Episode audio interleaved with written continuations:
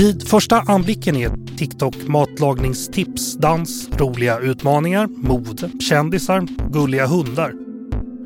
Men hur kan en social medieplattform som ser ut att användas för att dela underhållning och tidsfördriv vara så kontroversiell att den riskerar att förbjudas i flera länder? Vad är den potentiella faran? Och hur går det att skydda sig mot den? Om misstankarna mot TikTok visar sig vara sanna.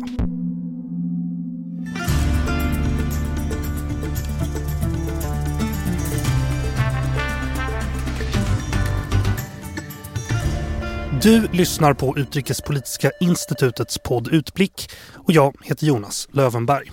Sociala medieplattformar spelar en allt viktigare roll i politik världen över. Men den nu kanske populäraste plattformen är också den som väckt störst oro, nämligen TikTok. Och för att hjälpa mig och er att förstå hur och varför TikTok väcker så starka känslor har jag med mig Ola Svenonius, forskare och forskningskoordinator vid Totalförsvarets forskningsinstitut. Välkommen Ola! Tack så mycket! Och Erika Staffas Edström, analytiker vid Utrikespolitiska institutets nationellt kunskapscenter om Kina. Välkommen tillbaka till Utblick. Tack så mycket. Ni har väldigt långa titlar, det säger jag alltid. Alla har det. desto längre desto bättre. Desto längre desto bättre. Mm -hmm. Och Ola, bara för att vara, vara tydlig, vad, vad, gör du lite mer exakt på, på FOI? FOI är ett, en stor myndighet Ja. Den har många, fem avdelningar och eh, en massa folk. Vid vår enhet, som heter enheten för asymmetriska hot, där han, tittar vi på frågor om hybrida hot, påverkan, extremism i digitala miljöer och totalförsvarsjuridik. Också en del underrättelsemetodik. Det är det som är okay. vårt eh, analysområde. Ja, precis, och det blir väl påverkan och, och spionagedelarna här som, som vi kommer Det är väl det, ja. eller hur? Mm. Yes. Okej, okay. vi får se. Ja, vi får se. Vi börjar här då med den kanske inte så lilla frågan men ändå, men vad är TikTok? TikTok är en app som skapades av det kinesiska företaget ByteDance. ByteDance skapades av en kinesisk entreprenör som heter Zhang Yiming eh, och han kommer från en, en medelklassfamilj i, i Hebei-provinsen. Han studerade systemvetenskap i Tianjin under eh, 90-talet och, och fullkomligt älskade den här nya tekniken och möjligheterna som som eh, eh, den nya utvecklingen erbjöd. Och det var en ganska vibrant tid i Kina, fullt av Eh, nya möjligheter och nya kopplingar till väst. Och han var väldigt influerad av det. Det ryktas om att han eh, 2009 när kinesiska myndigheter förbjöd utländska plattformar som, som Facebook och eh, Google hade på sig en t-shirt eh, för att uppmana till att folk skulle motsätta sig den här förbuden. Men, men han tyckte att det fanns ett problem med internet och det var att det var alldeles för osorterat. Det fanns för mycket information och han tyckte att hemsidor och eh, dåvarande RSS, vad heter det? RSS-flöden ja. utgjorde en, en föråldrad, ett föråldrat sätt att, att söka information och tänkte att eh, det här måste vi kunna lösa på ett mycket bättre sätt. Eh, så han utvecklade en, en algoritm som fick informationen att söka sig till användaren snarare än att användaren själv skulle Eh, söka informationen. Och det var då, 2012 är vi, är vi framme vid nu, eh, ganska revolutionerande. Idag så är det ju eh, så det fungerar på många, på många plattformar. Men, men eh, han skapade någonting helt, helt nytt. Och, och i, liksom, om man talar sociala medieplattformar så var det också någonting nytt i det avseendet. För, för tidigare så byggde förståelsen av en social medieplattform att eh, man skulle som användare först liksom lägga till sina kompisar och därefter se deras flöden, deras inlägg i, i ens flöde. Och det var det som utgjorde konceptet sociala medieplattform. Men, men han skapade någonting som, som egentligen inte brydde sig om vem, vem du kände utan vem, vad du var intresserad av. Okej, okay, och för oss då som, eller för oss kan jag säga, jag har faktiskt sett TikTok en gång. Oj! ja, ja, men, men för den som lyssnar och inte riktigt vet vad TikTok är, hur ser appen ut? Vad gör man i appen? Vad är det för någonting? Det är en, liksom en lång, ett långt flöde av videos som är rekommenderade för dig baserat på vem du är eh, och dina intressen. Och det tar, det tar algoritmen reda på genom att, att titta på vad man har tittat på, ja, vad precis. man har gillat. Liksom, eller hur? Ja. Och den är... frågar ju också i början om vad man vill ha. Liksom. Den ger en mm. sån här, den ber en liksom beskriva ens personlighet och sen så, så mm. det. Men det gör ju alla. Och den, och den är otroligt smart i det avseendet att, att den om du bara stannar till vid en video lite, lite, lite längre så reagerar den på det och mm. tänker att det här var någonting som, som du tyckte var spännande. Så då ska vi rekommendera den här typen av eh, innehåll till dig även i framtiden. Okej, men vad, vad skiljer TikTok från andra sociala medieplattformar? Du har ju du har sagt det, något om det, men Ola, kan du säga något? Om det? Ja, men alltså man frågar TikTok vad TikTok är så säger de att det är en underhållningsplattform. Mm. Mm. Alltså om man frågar mig vad TikTok är så skulle jag kanske säga att det är en social medieplattform. Nu beskrev du det nästan som en nyhetsförmedlingstjänst. Liksom, och det är ju tre olika roller och alla de rollerna kan ju innehas av samma liksom, system. Så. Det som från början var det stora med TikTok, för mig i alla fall, som liksom åskådare från sidan om var ju den här användarkänsligheten, i hur snabbt algoritmen mm. anpassade sig till ens beteende mm. och hur lite det spelar roll för vem man faktiskt känner. Det är ju två saker som, som mm. liksom skiljer sig åt. Men nu har ju de flesta andra plattformar anpassat sig till det här formatet. Så man har reels och små korta klipp på Youtube och Facebook mm. har också och WhatsApp har. Det, nu är det ju nästan ett sånt feature som, som finns eh, generellt i sociala medieplattformar. Då man går ju bort från att man ska själv producera material nästan till att andra producerar material och man är lite mer passiv som åskådare på de här plattformarna tycker jag. Vi kommer ju komma till det att, att det, ett kinesiskt ägande här spelar också roll. Vad Finns det några andra saker rent strukturellt då, som, som, som skiljer sig, alltså som, som vi måste känna till? Ja, alltså det, de införde ett antal tillsammans med Snapchat också. Det har varit liksom de innovationsdrivande apparna liksom de senaste åren. Och det har kommit många features som har, som har liksom lagts på som nu är mer eller mindre generella. Och, och, och eh, Sen så, så det till exempel livesändningar såna här som, som, är, som man guidas in till ganska snabbt ju, som användare. Och eh, det är ju, kan ju vara för många lite så okänd territorium ska man säga. Och, och det, det som skiljer sig, som jag tycker man ser när man jämför olika appar är ju hur otroligt många interaktioner det rör sig om. När vi jämför Twitter, Instagram och Facebook och TikTok så, så liksom på en, ett Instagram-inlägg som har 2000 likes är ju, har ju många likes. Liksom det, är väldigt, det är ovanligt eh, alltså av de mindre användarna men på, på TikTok så är det ju otroligt mycket mer eh, likes och det går mycket snabbare och allt är mycket mer och det liksom pushas på snabbare. Så det är väldigt mycket interaktion kan man säga. Mm. Men når den fler då också? Skulle man, kan man avläsa det så? Eller? Ja, det är ju frågan. Alltså, jag ja. tror inte att den når fler på samma meningsfulla sätt kanske. Folk kommenterar på andra sätt och, och kanske använder kommentarsfälten lite annorlunda än i andra appar och man, det går snabbare helt enkelt. Mm. Eh, så då är frågan hur en interaktion vägs på TikTok i relation till Facebook till exempel tror jag är väldigt olika. Vi ska också prata om ByteDance. Vad, vad är ByteDance för företag, Erika? ByteDance är TikToks moderföretag och det är ett företag som grundades då i, Kina av, av Zhang Yiming. Och det är ett eh, appföretag idag som, som har ett eh, ja, liksom 60-tal större appar, framförallt riktade mot den kinesiska marknaden men, men även en hel del appar som finns på den internationella marknaden. Och TikTok är deras liksom, största app idag internationellt. Men det finns ju eh, massvis av fler appar som, som man kanske inte känner till att de faktiskt ägs av ByteDance och till stor del är byggda på ByteDance teknologi. Mm. Och sen så vet vi inte idag hur mycket de skiljer sig gentemot eh, den källkod som, som TikTok och TikToks kinesiska eh, systervariant Douyin är baserad på ägarstrukturen då? För vi kommer ju vilja förstå här hur nära ByteDance står den kinesiska staten. Kan man säga något om, om ägarstrukturen? Det är ett privat företag mm. och det innebär att vi inte kan säkerställa hur, hur den faktiska ägarstrukturen ser ut. Eh, TikTok själva säger att man till 60 procent är ägd av eh, de stora investerarna som, som till största omfattning består av amerikanska företag. och sen så är det 20 procent som tillhör de ursprungliga grundarna och sen så är det 20 procent som tillhör anställda. Men vad gäller hur mycket påverkan man har och kopplingar som man har till kinesiska staten så säger man att man, man eh, inte har några kopplingar alls och man, man eh, har ingen, eh, varken indirekt eller direkt påverkan av, eller man, man är varken indirekt eller direkt påverkade av eller influerade av kinesiska staten. Men går det ens att driva ett stort företag i Kina utan att vara påverkad av kinesiska staten? Nej, men det är väl här åsikterna skiljer sig åt.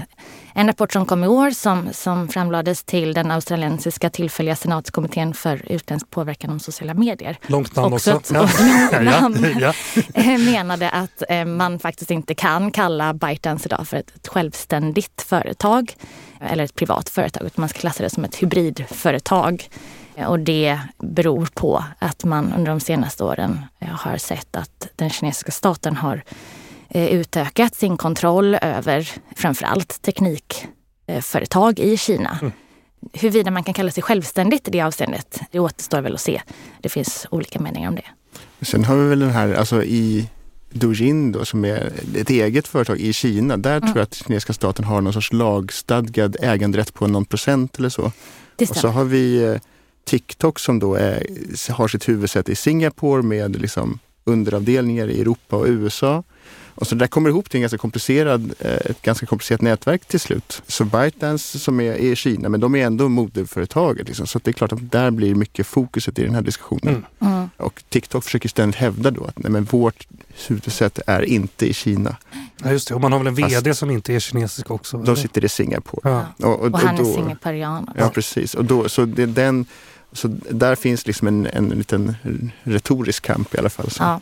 Och det här är någonting som man har jobbat väldigt aktivt med sedan de senaste åren. Eh, mycket till grund av de här ökade spänningarna mot TikTok och mot ByteDance. I samband med att man gjorde ett, ett vd-byte mm. eh, så genomförde man också en stor omstrukturering för att ytterligare särskilja de här enheterna. Så man ökade ytterligare avståndet mellan Douyin och TikTok som idag utgör två helt olika affärsenheter. Och man gick också in och eh, ändrade de anställdas eh, arbets Eh, funktioner. Så, så, tidigare så hade man arbetat mycket mer överskridande eh, om man var kodare till exempel. Så då jobbade du, du kunde jobba både för Byte, eller du kunde jobba både för eh, TikTok och Douyin. Men eh, efter den här omstruktureringen så, så enligt ByteDance i alla fall så, så jobbar man enbart med eh, TikToks app för att eh, ytterligare säkerställa att, att datan inte hamnar i felaktiga händer. Bara en sista fråga innan vi börjar titta på politiken och, och de eventuella problemen här. Men alltså, hur, är TikTok, finns TikTok i Kina? Varför finns det en uppdelning mellan de här två? TikTok finns inte i Kina. Är det eh, förbjudet i Kina? Det går inte att ladda ner TikTok i Kina. Okay. Eh, eller om du har, om du har ett... Eh, eller det, det, går det visst. Eh, jag, när, jag, när jag bodde i Kina så försökte jag ladda ner Douyin, mm. den kinesiska varianten. Men i och med att mitt Apple Konto, mitt ja. Apple-konto var registrerat på ett utländskt telefonnummer och inte hade en kinesiskt, eh, ett kinesiskt ID så kunde jag inte ladda ner Douyin. så att man kan ladda ner liksom. TikTok inom Kinas gränser. Men, men det är ju eh, eh, Douyin som man, man använder på den kinesiska marknaden. Nu då till problemen här då, eller eh, om det nu är problem, det ska ni få berätta för mig. Den här oron för vilken skada TikTok kan göra, varför har den uppstått nu? Till en början tänker jag att man kanske behöver definiera vad den här oron är för någonting, ja. vad den grundar sig i. Det finns oro i, i två olika parametrar mm. eh, om, om, man drar det lite krasst. Den ena handlar om användardata och vem som får tillgång till den. Och den andra handlar om otillbörlig eh, påverkan av, av innehåll. Och det gäller både en, en undanträngning av innehåll men också vad som på, på engelska kallas för hating. Mm. Du kanske har ett bättre ord för det där? Nej, Nej, men, men det handlar alltså i grunden om en, en aktiv, konstruerad, en avsiktlig styrning av ett särskilt innehåll så att jag kan bestämma vad som dyker upp i ditt flöde. Ola, vad säger du om det här? Varför händer det här nu? Varför ökar oron nu? Nej, men Psycho har ju blivit så vansinnigt populärt. Mm. Alltså det är så mm. otroligt mycket folk som använder den appen nu och det börjar bli så att eh, det blir ett oundgängligt medel till exempel också för politiker då. Mm. Under valrörelse eller också i allmänhet som vi såg. Alltså I eh, EU-parlamentet så har nog många i alla fall av de parlamentarikerna TikTok på sina telefoner och då, liksom, då blir det med, I och med de ökade geopolitiska spänningarna så blir ju det till slut en mm. faktor om man nu inte är säker på hur Kina, den kinesiska regeringen och den kinesiska staten beter sig. Mm. Och sen så kommer de här lagändringarna som har skett de senaste åren och den alltså verkligen deteriorerande, alltså den, den sjunkande tilliten till Kina mm. och spänningen mellan USA och Kina som, som är styrande på det här området. Mm. Ja, det är lagändringar i Kina ja. som du ja.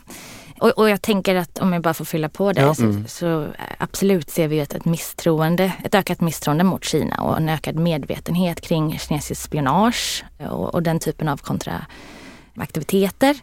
Och, och, det kommer ju liksom också av en, till, det kommer till följd av en, en ökad bevakning av ämnet vilket liksom i sin tur mm. leder till, till ytterligare eh, diskussion. Men sen så har ju också TikTok ändrat Eh, strategi, eller ByteDance enda strategi nyligen.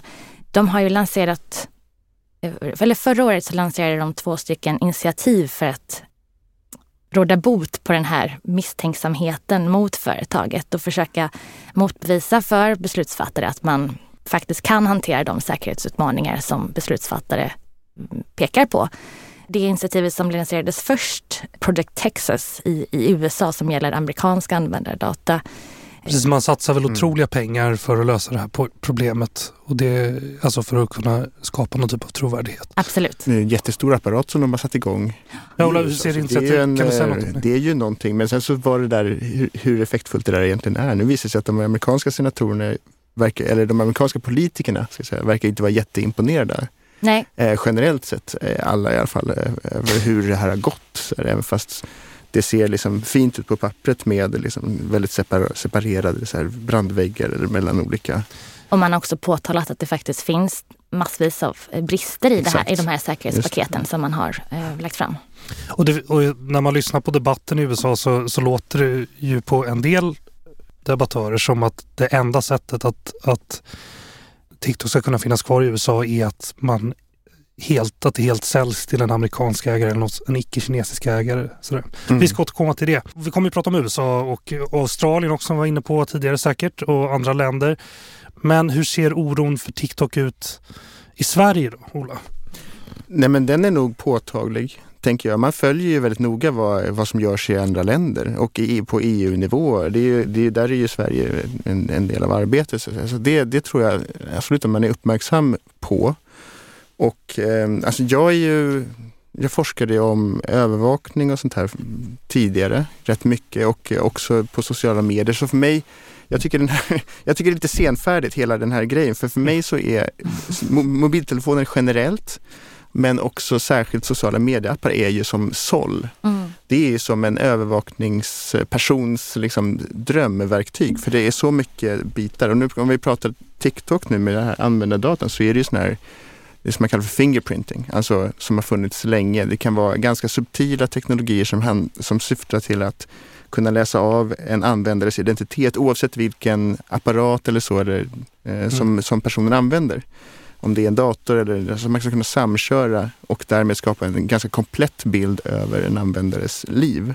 Och det här är ju inte någonting som TikTok är ensam med att använda det. här har ju funnits under lång tid och liksom har funnits mycket. Men bara för de som kanske inte är så insatta i det här, men vad, det rör sig väl om biometrik och rörelsebiometrik, alltså massa sådana här eller? Ja, massa... om man tittar vad TikTok samlar in för data så var det ju frågan, ja men nu var det ju positionsdata, inte bara latitud, longitud utan altitud också. Ja. Som var det nya då, att de skulle samla. Men de här alltså generellt för alla, jag tror inte TikTok i sig samlar in mer data än andra appar det är inte säkert att lyssna förstår hur mycket specifik data som går att samla in om en person som man inte ens förstår att man ger ifrån sig. Tror jag. Ja, men det är mycket. Det här, det här till exempel rör sig om, om små pixlar på enskilda webbsidor som, man, som, som talar tillbaka till en, en server som gör att man kan identifiera olika typer av användare. Men också de mångfald av sensorer som finns i våra telefoner och all användardata mm. som finns mm. i våra telefoner. Det är ju tusentals datapunkter. Ja. Ett exempel tycker jag som var illustrativt var ju den här uh, mordrättegången i Sverige för några veckor sedan där en kvinna hade blivit mördad av två vänner där man kunde läsa av en del av bevisföringen rörelse, var rörelsesensorer i mm. telefonen som hade rört sig då under, vid, vid en viss tid. Mm. Och det här är nog sensorer som människor generellt sett inte tänker att man kan läsa av och då måste man ju tänka på att titta på vad de här apparna samlar in. Det är ju många eh, långa och många kategorier av data som, som finns här. Och sen så lägger man till den datan som man får ut utanför appen som är det så här, man brukar prata om auxiliary information, alltså ytterligare information. Och då blir det ju en väldigt komplett bild av en människa. Så det är ju en generell problematik bakom det här. Mm. Mm. Och, då tänker, och då är väl då, när man då lägger till lagret med den kinesiska staten, misstron mot den kinesiska staten, då är det inte så konstigt att man alltså från säkerhetstjänsternas håll börjar tänka lite på det här. Men jag tycker att kanske att man kan tänka på det också, inte bara när det gäller TikTok, utan också även andra appar. Mm. Ja, förstås. Och, och, det är värt också att säga att eh, vad gäller TikTok så, så finns det ingen samsyn i forskarvärlden Nej, precis, precis. Eh, vad gäller hur mycket, hur mycket data som man faktiskt samlar in. Vissa studier menar att eh, TikTok inte samlar in mer data än någon annan. Eh, sen så finns det andra som har klassat TikTok som värst i klassen mm. Eh, och har utfärdat mm. avrådan framförallt gentemot individer som, som innehar en maktposition eller en beslutsfattande position eller jobbar inom kritisk infrastruktur. Men, men jag håller med dig om att det är viktigt att inte börja titta på det här som en fråga vad gäller TikTok utan, mm. utan det gäller ju bredare. liksom, det gäller ju all användning av sociala medier Ja, nu råkar det vara så att, att eh, liksom, många av techbolagen har huvudkontor i USA och så har de lokala kontor i Europa och där har man etablerat någon sorts datasäkerhetsrutin och TikTok håller på med det här nu men vi är nu liksom allierade med USA och i mm. väst och inte med Kina och det är ju liksom, det är någonstans det som är liksom the bottom line mm. känns det som för allt det här. Att, mm. att vi helt enkelt inte är säkra på hur den kinesiska staten hanterar de här datan och riskerna med, att, med en, en avancerad eh, antagonist som använder de här datorna på ett avancerat sätt är anses vara så pass stora. Liksom. Mm. Jag frågade här nyss, oron i Sverige, när vi hördes innan inspelning här så nämnde du att TikTok har, bedömdes ha liksom spelat en ganska stor roll i det svenska valet nu senast 2022. Vad, kan du inte berätta om det? Jo, men det ju, har ju att göra med appens popularitet. Mm. Och, det, och det ligger på en lite annan nivå. Det kanske inte ja, har visst. frågan om, om det här med persondata lika mycket utan det är snarare ett inflytande över politiken så att säga. Det, det andra stora problemet. Ja, precis. Ja. Mm. Man nästan kunna säga, ja precis, styrande innehåll. Och då, och då har ju den, det format som TikTok har med ganska korta och intensiva och färgglada klipp är ju så att säga, står ju emot, i kontrast till de krav på djupgående diskussion och eh, sysselsättande med, med sakfrågor som det demokratiska systemet egentligen kräver av oss som medborgare och av politikerna. Men nu liksom skjuts vi in i den, den här världen med där det går, ska gå snabbt och det ska bli rappt och det mm. kanske blir viktigare då att fråga vem, vilken glass som jag tycker om mer än, mm. än, vilk, än de sakfrågorna som min politik handlar om. Mm. Och det kan jag tycka är ett problem rent generellt men det har ju inte det är, där driver TikTok på men TikTok är inte ansvarigt för den delen av politiken så att säga. Nej. Mm. Som, som jag förstår det, du får rätta mig om jag har fel här, men eh, det finns ju en rad undersökningar också som har gjorts eh, som har tittat på eh, huruvida eh, mm innehållet var styrt eh, under det förra valet. Och man, man fann att det inte var så. Men en liksom grundläggande inneboende utmaning med den typen av studier är att man använder en granskares eh, enhet för att ta fram den datan och, och, och, då, och därmed fastställa att var informationen påverkad, ja eller nej. Men utmaningen här är ju att mitt flöde kommer se väldigt annorlunda ut från, från ditt flöde. Absolut. Och, och kanske en, en 14-årings flöde i, eh, på en annan plats i Sverige. Och vi kan ju säga, jag kan säga dels så innan det finns ett sånt som man kallar för API, alltså en direktåtkomst till eh, TikToks samtliga inlägg på TikTok där man kan faktiskt se hur många inlägg som cirkulerar så kan ingen riktigt veta om det här, vad som, hur det faktiskt styrdes. För att vi gjorde en undersökning under valrörelsen där vi hade med TikTok och det var slående för våra analytiker då att det var förvånansvärt lite material som sorterades in under våra sökresultat och då tittade vi inte på flödet utan vi sökte aktivt efter innehåll. Mm. Och det var verkligen inte mycket. Mm. Och sen efter valet så har vi tittat igen och sett att det är mycket mer information som vi får upp, många fler inlägg. Och det som, som ändå härrör till samma period. Så det här kan man ju bara spekulera om och jag är inte säker på att någon ens kan svara på den här frågan. Men, men för oss så ter det sig i alla fall så som att det var, alltså innehållet kring valet var strypt på ett eller annat sätt. Och det är ju inte något konstigt. Det gör, alltså Twitter till exempel när man söker på nyckelord så lägger de också upp de lite mer, de som har fått mer engagemang. Och Facebook har ju tidigare också gjort så här. Nu vi, men nu handlar det lite om att man kanske inte ville ha så mycket politiskt innehåll. Men det här är också bara spekulationer till slut. Vi, vi kan inte veta hur det ser ut och de som eh, gör exakt så, tar ett konto och försöker skapa någon sorts objektiv bild utifrån det kontot, det blir ju äh, till slut missvisande. Liksom. Mm. Mm. frågan som jag ställer mig är ju då till exempel om jag söker, om jag tar ett nytt konto och gör en sökning, får jag upp alla möjliga träffar då? Eller eh, sorteras det redan där? Mm. Inte bara i mitt flöde utan också i sökresultaten. Och det tror jag inte vi vet om. Eh, någonting som är väldigt intressant med det som du säger är, är ju det här att vi, det finns så mycket som vi inte eh, känner till. Mm. TikTok och ByteDance har ju själva sagt att de kommer att lans lansera flera stycken center för transparens där forskare kommer att få tillgång till användardata. Och man kommer också jobba med tredjepartsobservatörer som kommer att eh, mm. säkerställa att, eh, att ingen otillbörlig påverkan sker eller att, att data inte skickas på ett otillbörligt sätt. Men vad som framkommit under de senaste eh, månaderna är att, att de här transparenscentren kanske inte är så eh, säkra eller eh, kommer att erbjuda den typen av eh, information som, som ByteDance själva har eh, sagt. Nej, just det. Är, är det, här, förlåt, och det, här, de, det här är del av de här satsningarna vi talade om nyss? Mm. Det stämmer, ja förlåt. Bland annat så när en forskare får tillgång till den här datan så, eh, som finns på transparenscentren så måste man först skriva på Eh, ganska rigorösa användaravtal som säger att man måste radera datan som man samlar in om ByteDance så önskar.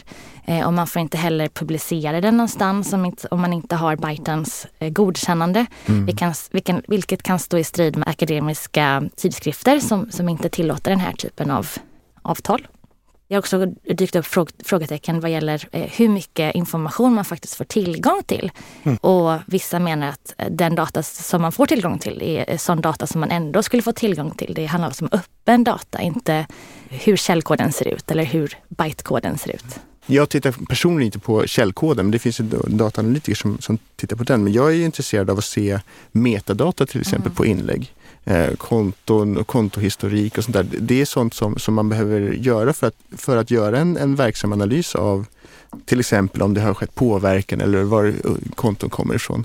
I bästa fall skulle man vilja ha IP-adresser också. Mm. Ja. Men det blir ju väldigt, det blir väldigt snabbt känsliga data. Ja, det blir ett problem åt andra hållet. Ju, och då blir det känsligt. Alltså vi som forskare har ju också förhållit oss till forskningsetiska principer och, och, lagstiftning på den sidan. Och sen så, så kommer det här på andra sidan. Det, det blir till slut väldigt kom, komplext. Mm. Eh, nätverk vad man får och inte får göra heller. Så det, där men... tror jag att de har, eh, där, där tror jag att ByteDance själva har sagt att, att eh, datan kommer vara anonymiserad och att mm. eh, den ska gå att använda i det avseendet. Men frågan är då återigen, vad är det för typ av data som man får tillgång till och, och hur mycket kan ja, den egentligen säga oss? Då blir det kanske inte riktigt lika relevant längre heller. Nej. Vi har ju varit inne på det men bara för förtydligande, hur stor kontroll har det kinesiska kommunistpartiet över ByteDance egentligen? Det är en svår fråga. Det finns inga bevis på att kommunistpartiet utövar påverkan över ByteDance. Det vi däremot vet är att det kinesiska kommunistpartiet äger en procent i den affärsenhet som äger TikToks kinesiska app eh, Douyin. Okay. Man har också en, som i alla större kinesiska företag med, med fler än tio kommunistpartimedlemmar, en partikommitté som eh, är ansvariga för att säkerställa att partiets riktlinjer följs på företaget.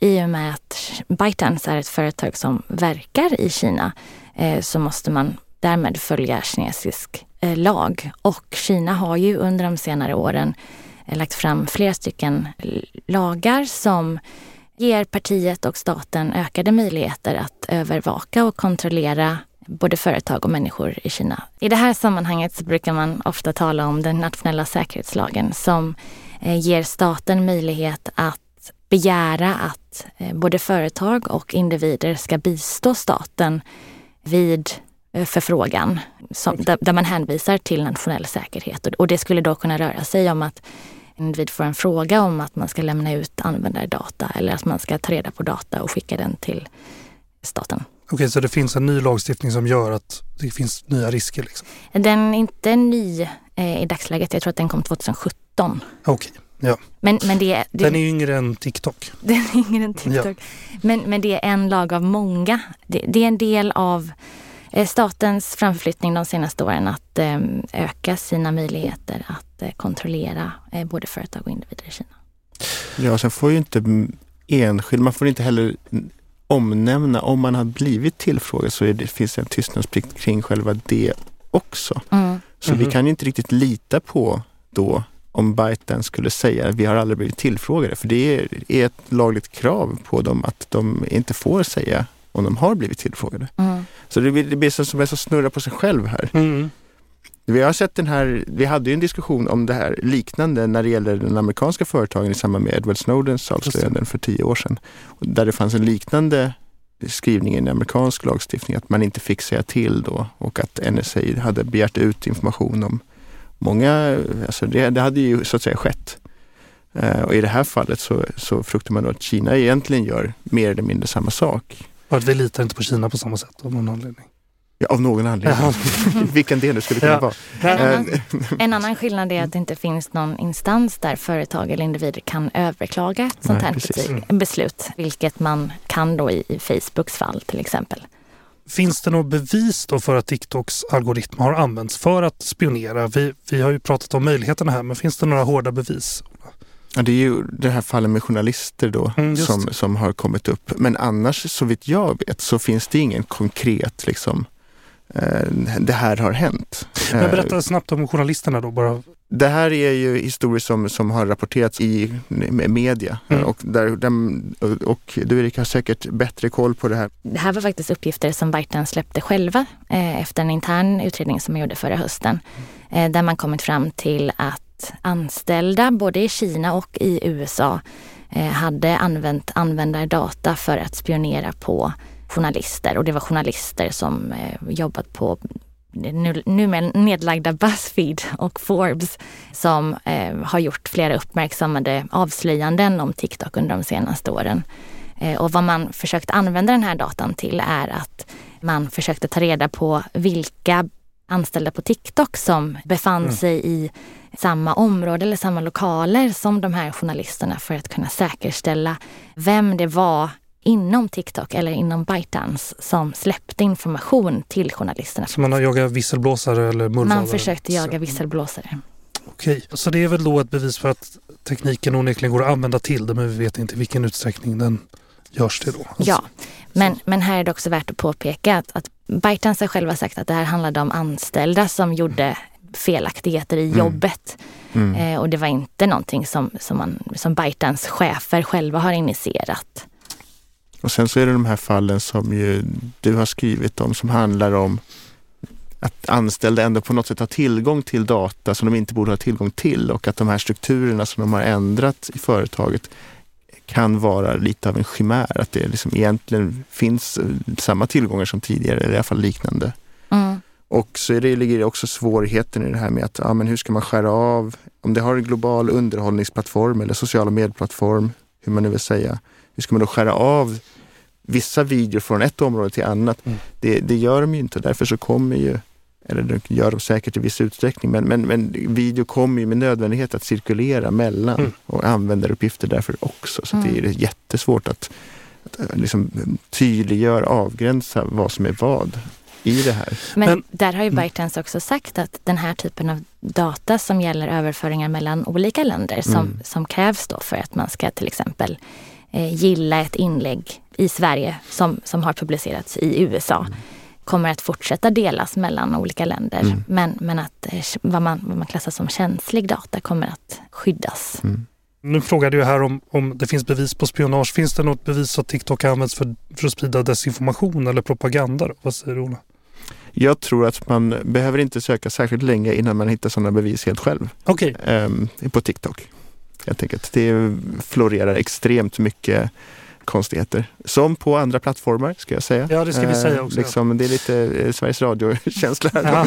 men men, men så är det ju faktiskt ja. att det, det är lite överallt. Men, men där alltså mitt TikTok-konto eh, har av förståeliga skäl ganska betydande grad av Ukraina-relaterade inlägg ah, ja, ja. och det flödet florerar mycket.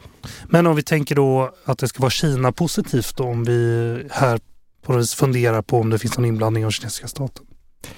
Där kan jag inte uttala mig, det vet jag Nej. faktiskt inte. Det, det, där, och eftersom, eftersom appen är så styrd av användaren så, så mm. blir det ju väldigt fokuserat på det som användaren söker. Så det är jättesvårt att säga. Mm. Det finns studier som, som menar att eh, det här har skett tidigare men inte sker idag i samma utsträckning.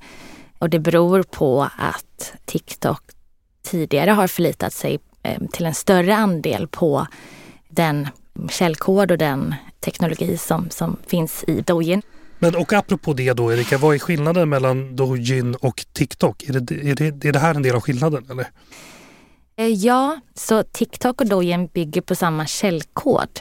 Men ByteDance menar att den har utvecklats under tid med hjälp av maskindata eh, inlärning. Så åt, åt, olika håll då helt enkelt? Åt olika ja, håll och att den har separerat. Men, men för en annan fråga om, som jag tänkte ställa, jag såg också i någon sån debatt jag såg i amerikan, amerikansk tv, någon expert jag såg som påstod att på TikTok så belönar algoritmen roliga danser och alltså, lättsamma saker medan Dojins eh, algoritm så belönas eh, vetenskapsexperiment och matematik och sådana här saker. Alltså, så finns det någon sanning i det här?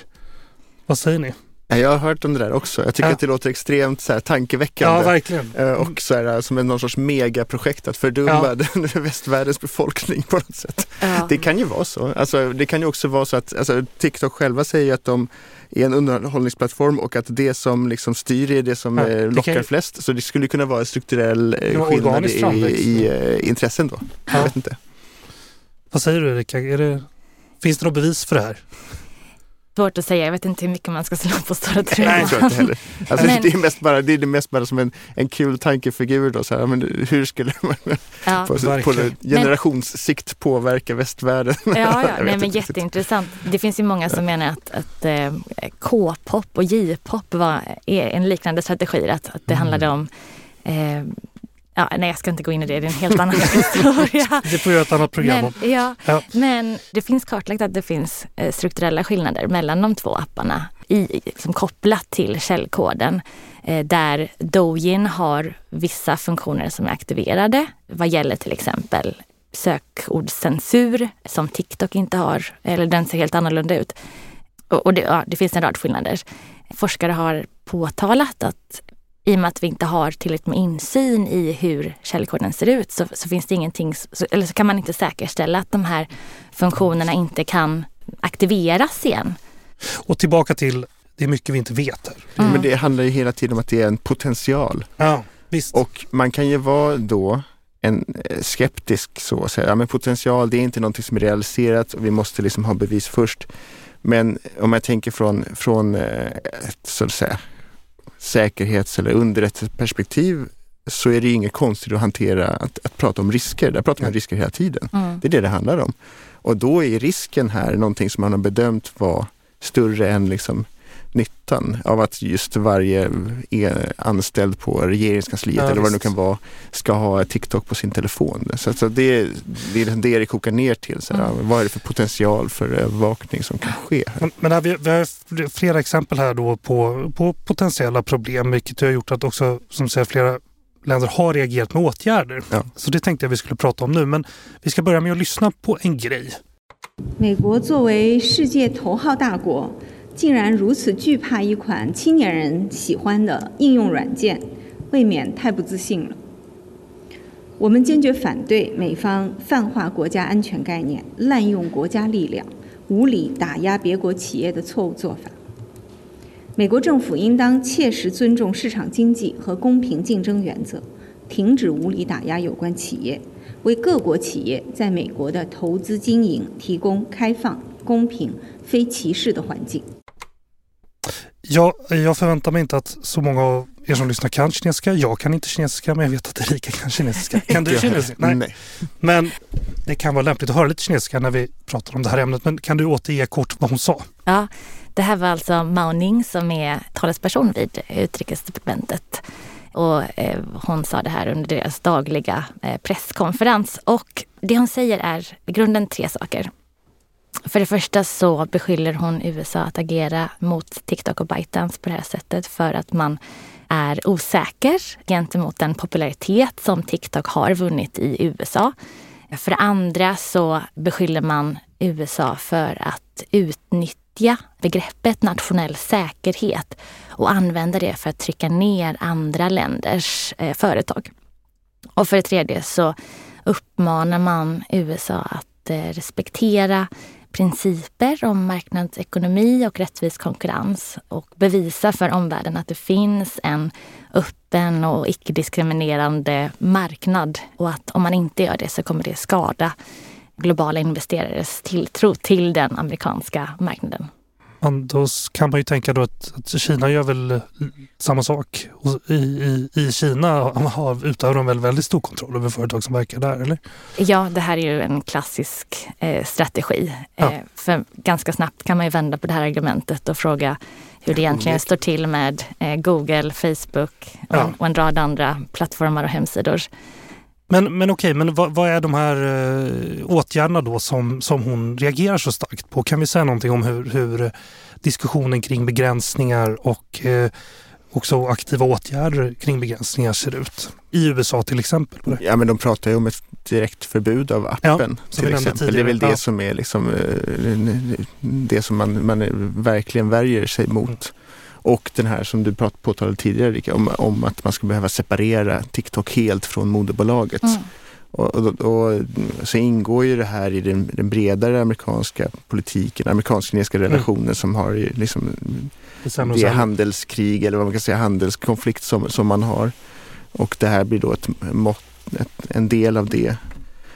Och det är väl inte Alltså, om jag vore en amerikansk sociala medieplattformägare så skulle jag ju bara bli glad om TikTok blev förbjudet för det skulle betyda att mina marknadsandelar ökade. Mm. Så det är klart, det finns, det finns intressen åt båda håll här mm. som, som, som, förmodligen. Sen så, så, är det så, så det är svårt för oss som tittar så vid sidan om mm. att säga exakt vad som är vad när det gäller de amerikanska utgångspunkterna. Att man kanske slår två flugor i en smäll mm. på vissa sätt. Det är väl också så att USA ändå leder lite i, i västvärlden på något sätt. Om USA skulle ta det här stora steget till kanske fler länder som skulle följa efter. Kan man ja, säkerligen. Ja. Erika, vad skulle du säga? Jag tänker att eh, anekdotiskt så finns det ju berättelser som antyder att det är amerikanska sociala medieplattformar som har varit väldigt aktiva och spenderat otroligt mycket pengar i diverse lobbykampanjer i USA för att säkerställa att det är TikTok som utmanas som ett säkerhetshot och inte inhemska appars dominans på marknaden. Mm. Precis. För att eh, datainsamlingen i sig, liksom, är inte, det, det, finns inte bevis för att den skulle skilja sig nämnvärt mellan de olika apparna. Så. Det här har vi, det återkommer man ju till ständigt. Ja. Det, och det är inte det som är, är, är, grejen, det är bara hur man tänker sig att data skulle kunna användas. Om man är cynisk så, så kan man ju se att Europa blir lite som ett verktyg här. Mm. Ja, är det några fler länder som har eh, långtgående planer på åtgärder? Har vi några exempel? Australien är väl ett land till exempel? Eller? En rad länder och institutioner har infört förbud för eh, anställda primärt. Mm -hmm. eh, Men inget allmänt förbud i ett helt land ännu? Nej. Har vi några andra exempel? Eh, mitt enda exempel är eh, delstaten Montana som mm. nyligen faktiskt införde ett förbud mot användning och nedladdning av TikTok. För alla? För alla inom delstatens gränser. Oj, wow. Ja. Har du några exempel Ola? Nej, men vi har ju de offentliga institutionerna på EU-nivå till exempel Just som väl har förbjudit eh, användande av TikTok på arbetstelefonerna. Mm. Mm. Och det kan man ju tycka är en, en helt rimlig åtgärd då så att säga utifrån en viss riskbedömning. Mm. Eller den är inte så pass ingripande i alla fall så att det är så himla, ska vara så himla farligt. Däremot så finns det ju då från om de som är valda politiker kanske tycker att det är, inskränker deras möjligheter att eh, prata och kommunicera med eh, medborgare. Mm. Mm. Vilket ju också stämmer. Alltså, så det, det, är ju en plattform för kommunikation och sen så kan man ju prata om den här, hur värdefull den kommunikationen är, men det är en annan sak. Ja, ja precis och sen så i det där så också de, den amerikanska högern har ju varit väldigt uppretade på Twitter till exempel över att man har blivit avstängd då efter 6 januari och, och, och sådana här saker som har hänt i USA. Men det är fortfarande privata företag som egentligen skulle kunna få avgöra vem som finns på deras plattformar. Mm, så är det. Ja. Den bredare problematiken ja. med sociala medieplattformars och mediehus betydelse för demokratisk, det demokratiska samtalet som vi har nu och som är en utveckling som har skett de senaste 15-20 åren. Mm. Den, den kvarstår ju. Den, den, den liksom, nu är det det här vi pratar om, men, men den är en, det är fortfarande en stor fråga. Man tänker att det finns mediebolag som modererar på ett eller annat sätt samtalet mellan de valda politikerna och medborgarna. Då ja. har ju de en otroligt stor makt och TikTok här är en av de plattformar som har en otroligt stor makt och kanske framförallt när det gäller ungdomar mm. Som är den största användargruppen. Och Facebook har det på andra ställen. Liksom. För gamlingarna? För gamlingarna, ja. Har det blivit? Eller de många av oss som kanske använder meddelandetjänster ja. och inte så mycket. Ja. ja. Liksom, så, så det, det, här är, det finns en mycket bredare mediepolitisk liksom, diskussion mm. som man kan passa in den här i också. Det måste inte vara en säkerhetspolitisk diskussion uteslutande. Mm. Och sen så har vi den här generella frågan om liksom, övervakning av människor och kontroll i det moderna samhället som också som är liksom en ännu högre nivå nästan, som är liksom, vad är modernitet och mm. postmodernitet. Mm. Vi kan gå hur långt som helst med det här. Hörrni, vi ska kika lite framåt innan vi rundar av här. Vi har varit inne på det, men vad, vad, tror ni att TikTok kommer att förbjudas helt i USA? är väl det stora exemplet här, eller andra länder? Jag tror att det är svårt. USA är väl det, det land där det ligger närmast till hands. Mm. Jag tror inte att det kommer bli förbjudet i Sverige och Europa. Det här kan man ju få äta upp senare då möjligtvis. Ja, men, men, får se. Men alla som jag, men jag skulle inte tippa det, för jag Nej. tror att, jag tänker att den europeiska liksom, rättsordningen är sådan att man verkligen drar sig ifrån, det ska mycket till innan man förbjuder ett företag från att verka. Och sen så, så måste det ändå lyda under vissa regler. Liksom. Och då är det så här, att förbjuda anställda från att ha en app på sina telefoner, det kan ju vilket företag som helst göra. Det ligger inom en, liksom en organisationsroll att kunna göra det. Mm. Men att förbjuda människor från att ta del av information, då är vi på en, en helt annan ja. konstitutionell eller juridisk liksom planhalva. Mm. Och det, är något, det skulle vara en helt annan sak. Mm, precis, det Vad finns en helt annan dimension till det här. Ja. Det handlar inte bara om att eh, förbjuda ett företag från att verka utan det, det är en kopplar man an det till en diskussion om yttrandefrihet och mm. eh, så blir det en, en mycket större diskussion. Ja, gud ja. Och, här kan jag göra lite, lite reklam för en FOR-rapport som kom ut senast ja, som handlar om just det rättsliga ramverket för att bemöta eh, informationspåverkan. Och, och där slår min kollega Anna Andersson fast verkligen tydligt hur långtgående det här är. Vi får liksom inte ens, man får inte moderera flöden som, som myndighet till exempel och den svenska yttrandefriheten är ju väldigt, väldigt starkt förankrad. Så det, det, skulle, jag tror, jag kan inte se att det skulle hända. Liksom. Nej. Va, Men det är inte den enda eh, lösningen på, på det här TikTok-problemet om, om man kallar det så. Som vi har varit inne på tidigare så handlar det också om eh, förslag då på att eh, TikTok ska eh, avyttras eller att, man ska, att, Byten ska själv, att Byten ska sälja sin andel i TikTok. Och Biden-administrationen har ju hotat om att eh, Bidens kan komma att behöva göra det här. Eh, och hur det kommer att eh, spela ut, det vet vi fortfarande inte idag. Någonting som jag tycker är eh, intressant att fortsätta följa är hur det här påverkar andra, både sociala medieföretag men också andra kinesiska företag. Nu de senaste veckorna bara så har vi sett flera andra företag som Temu till exempel som, som är en app som framförallt är stor i USA men man lanserades i Europa nu i april och ägs av det kinesiska techföretaget Pinduoduo men som nu istället kallas, eller i väst kallas för PDD eh, Holdings Inc. Och de har helt helt nyligen ändrat sin historiebeskrivning och säger att man inte alls eh, grundades i Kina utan att man grundades i Boston och att man är ett internationellt företag. Och man eh, ser också att allt fler kinesiska techföretag flyttar sina huvudkontor från Kina till utlandet. Appföretaget Shiny Mm, ja, kanske det. Ja. de flyttade nyligen sitt huvudkontor till Irland och, och Tema har nu sin, sitt huvudkontor i, i Singapore. Och, och det här är en, en, liksom mm. spännande utveckling tycker jag som, som kommer bli intressant att följa. Spår som du var inne på nu är ju väldigt spännande. Dels vad som händer i Kina alltså, och kinesiska företag, hur man hanterar det här strategiskt. Men sen så finns det ju också frågan, aha, men hur många andra produkter eller typer av tjänster har vi som ägs av kinesiska för, företag då? och det är ju en hel del. Mm. Bilar till exempel som har motsvarande rörelse, alltså datainhämtning och sensorer och sånt där.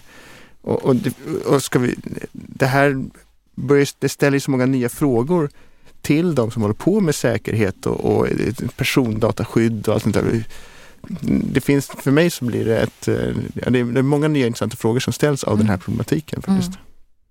Erika, du, du eh, kommit med en liten framtids eh, så vad vi ska hålla koll på. Men Ola, har du någonting då som du kikar på framåt i, i det här området? Alltså jag tänker mycket på EU-valet nästa mm. år och eh, vilken roll TikTok kommer få i, i det sammanhanget. För det är ju sen förra EU-valet så har TikTok exploderat förmodligen. Eh, mm. Och, eller, så att det är ju en stor sak. Och eh, hur liksom, de här frågorna kring påverkan och eh, icke-autentiskt beteende och nu har vi också en, en säkerhetspolitisk situation i Europa som är väldigt brännande och med kriget i Ukraina. Så det där kommer vara en stor sak.